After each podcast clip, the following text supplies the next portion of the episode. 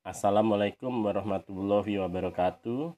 Sekarang saya mau membacakan materi HSI, yaitu materi yang ketujuh, yaitu beriman kepada kitab Allah.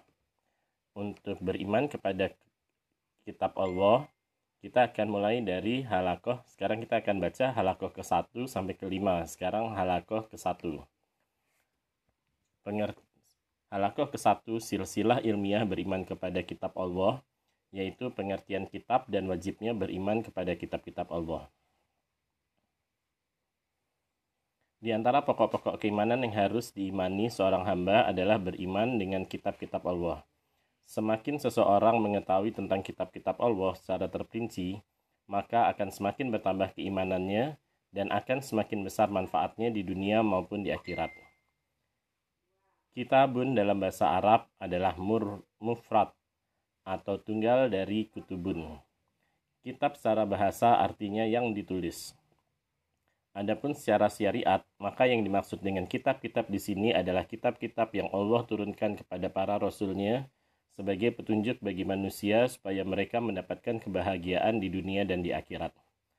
Al-Quran, As-Sunnah, dan Ijma kaum muslimin menunjukkan tentang wajibnya beriman kepada kitab-kitab Allah dan bahwasanya kekufuran dengan kitab-kitab Allah pada hakikatnya adalah kekufuran dengan Allah.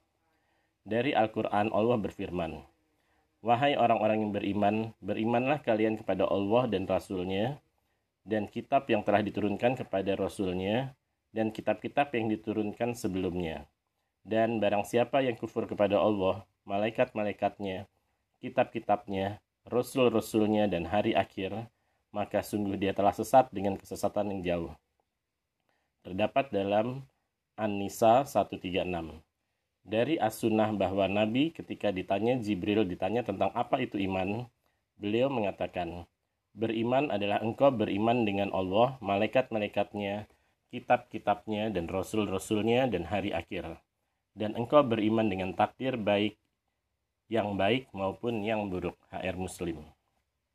Adapun dari Itsma, maka telah berkata Ibnu Batah rahimahullah, demikian pula wajibnya beriman dan membenarkan seluruh apa yang dibawa oleh para rasul dari sisi Allah dan beriman dengan seluruh yang Allah Azza wa Jalla katakan.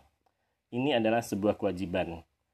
Seandainya seorang beriman dengan seluruh yang dibawa para rasul, kecuali satu hal, maka dia menolak satu hal tersebut, jadilah dia kafir menurut seluruh ulama.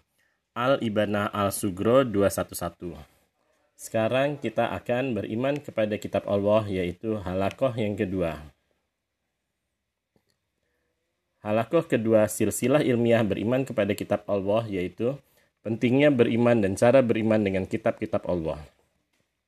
Di antara yang menunjukkan pentingnya beriman dengan kitab-kitab Allah bahwasanya beriman dengan kitab-kitab Allah secara global termasuk pokok-pokok adalah, adalah akidah Islam, dan merupakan rukun yang ketiga dari enam rukun iman yang tidak siah iman seseorang kecuali dengan mengimani seluruh rukun iman ini dan telah berlalu hadisnya. Kemudian di antara yang menunjukkan pentingnya bahwasanya beriman dengan kitab-kitab adalah sifat orang-orang yang beriman. Allah berfirman, Rasul beriman dengan apa yang diturunkan kepadanya dari Robnya. Demikian pula orang-orang yang beriman. Semua beriman kepada Allah, malaikat-malaikatnya, kitab-kitabnya, dan rasul-rasulnya. Al-Baqarah 286.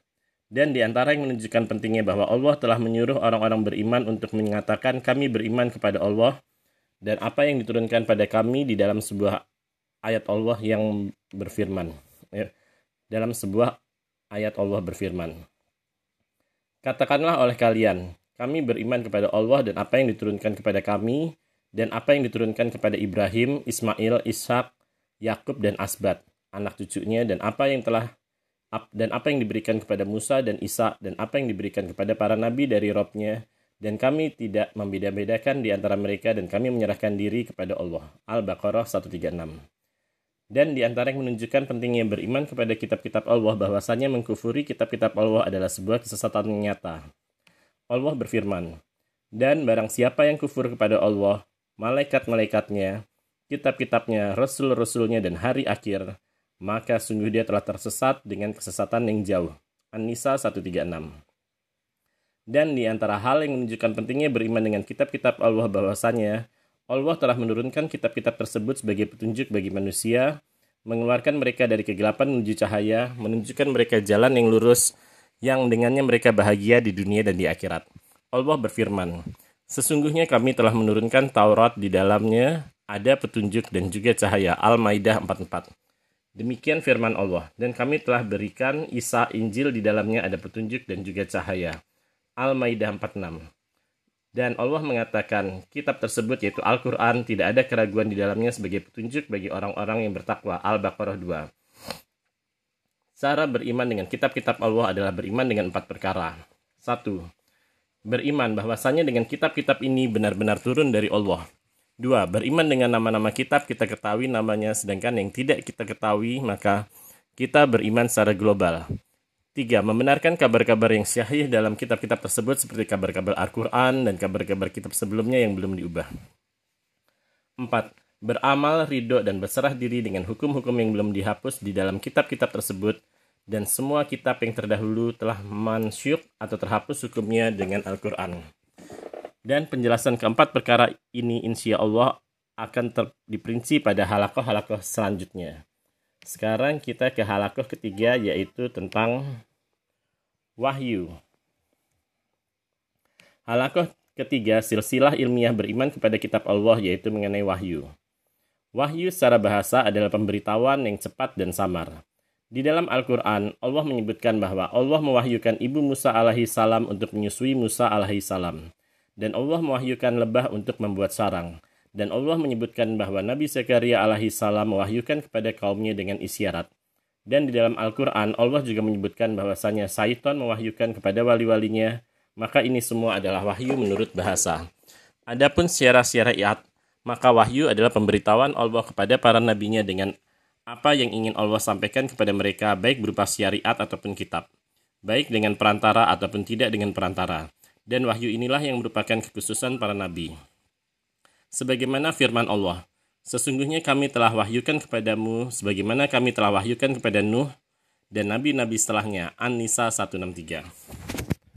Wahyu Allah sampaikan kepada para nabi menggunakan tiga cara, yaitu satu, Allah langsung mewahyukan ke hati yang diwahyukan. Seperti sabda Nabi, Sesungguhnya Ruhus Kudus, Jibril telah meniupkan di dalam hatiku bahwa sebuah jiwa tidak akan meninggal sampai sempurna ajalnya dan sempurna rizkinya maka hendaklah kalian perbaiki cara mencari rizki kalian. Janganlah sampai salah seorang di antara kalian mencari rizki dengan maksiat karena mereka melihat lambatnya rizki. Karena sesungguhnya tidak dicari apa yang ada di sisi Allah kecuali dengan ketaatan kepadanya.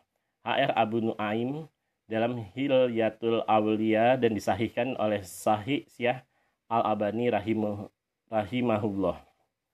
Kedua, yaitu Allah berbincang langsung dengan nabi tersebut dari balik hijab. Sebagaimana ketika Allah berbicara langsung kepada Nabi Musa alaihissalam sebagaimana dalam firman Allah. Dan Allah berbicara dengan Musa dengan sebenar-benar pembicaraan. An-Nisa 164. Wahyu tersebut datang dengan perantaraan malaikat. Sebagaimana turunnya Jibril membawa wahyu dari Allah kepada para nabi dan rasul. Dalil tiga cara ini adalah firman Allah. Dan tidaklah Allah berbicara kepada manusia kecuali wahyu yang diwahyukan secara langsung atau berbicara kepadanya dari balik hijab, atau Allah mengutus seorang malaikat utusan kemudian malaikat tersebut mewahyukan dengan izin Allah apa yang Allah kehendaki. Sesungguhnya dia maha tinggi lagi maha bijaksana. Asyura 51. Dan Jibril datang kepada Nabi dengan membawa wahyu terkadang dengan wujudnya yang asli. Terkadang datang wahyu tersebut seperti kerincingan lonceng, dan terkadang Jibril datang menjelma sebagai seorang manusia. Al Harits ibnu Hisyam radhiyallahu anhu pernah bertanya kepada Rasulullah, Wahai Rasulullah, bagaimana wahyu datang kepadamu? Maka beliau berkata, Terkadang datang wahyu kepadaku seperti suara kerincingan lonceng, dan inilah yang paling berat bagiku. Kemudian suara itu pergi dan aku sudah memahami apa yang dia katakan. Dan terkadang malaikat menjelma sebagai seorang laki-laki kemudian berbicara kepadaku, dan aku pun memahami apa yang dia ucapkan. Hadis mutafakun alaihi. Itulah yang kita sampaikan pada halakoh ini. Sekarang kita menuju ke halakoh keempat, yaitu beriman bahwa halakoh keempat yaitu silsilah ilmiah beriman kepada kitab Allah yaitu beriman bahwasanya kitab-kitab ini benar-benar turun dari Allah.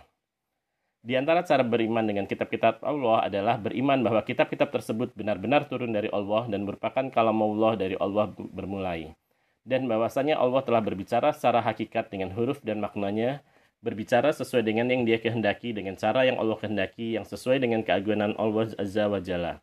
Allah berfirman, Dia telah menurunkan atasmu Alkitab, Al-Quran dengan hak membenarkan kitab-kitab sebelumnya dan dialah yang telah menurunkan Taurat dan Injil.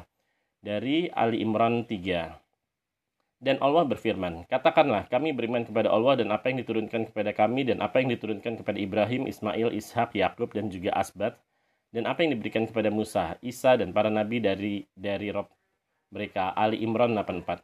Tidak boleh seseorang mengatakan bahwa Taurat yang asli adalah ucapan Musa. Injil yang asli adalah ucapan Isa atau mengatakan bahwa Al-Quran adalah ucapan Muhammad. Orang yang mengatakan bahwa kitab-kitab tersebut adalah ucapan manusia, maka dia telah kufur dengan ayat-ayat Allah. Allah berfirman, Sesungguhnya orang-orang yang kufur dengan ayat Allah Sesungguhnya orang-orang yang kufur dengan ayat-ayat Allah, mereka akan mendapatkan azab yang pedih dan Allah adalah zat yang perkasa dan memiliki siksaan. Ali Imran 4. Allah menceritakan tentang ucapan sebagian orang kafir yang mengatakan, Tidaklah Al-Quran ini kecuali ucapan manusia, Al-Mudathir 25. Para rasul dan malaikat hanyalah sebagai perantara dalam menyampaikan kalamullah.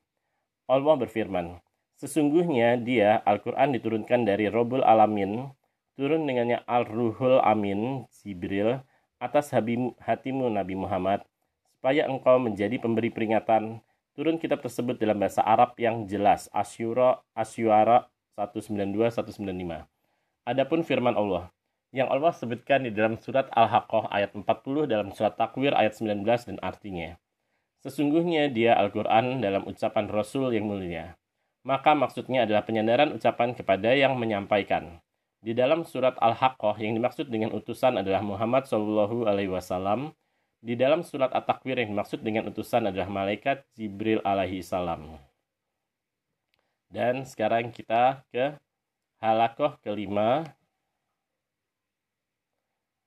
Halakoh kelima silsilah ilmi ilmiah beriman kepada kitab Allah. Beriman dengan nama-nama kitab Allah yang kita ketahui namanya. Di antara cara beriman dengan kitab-kitab Allah adalah beriman dengan nama-nama kitab Allah yang telah Allah dan Rasulnya beritahukan namanya kepada kita dan kita ketahui namanya. Suhuf Ibrahim dan Suhuf Musa. Suhuf Ibrahim diturunkan kepada Nabi Ibrahim.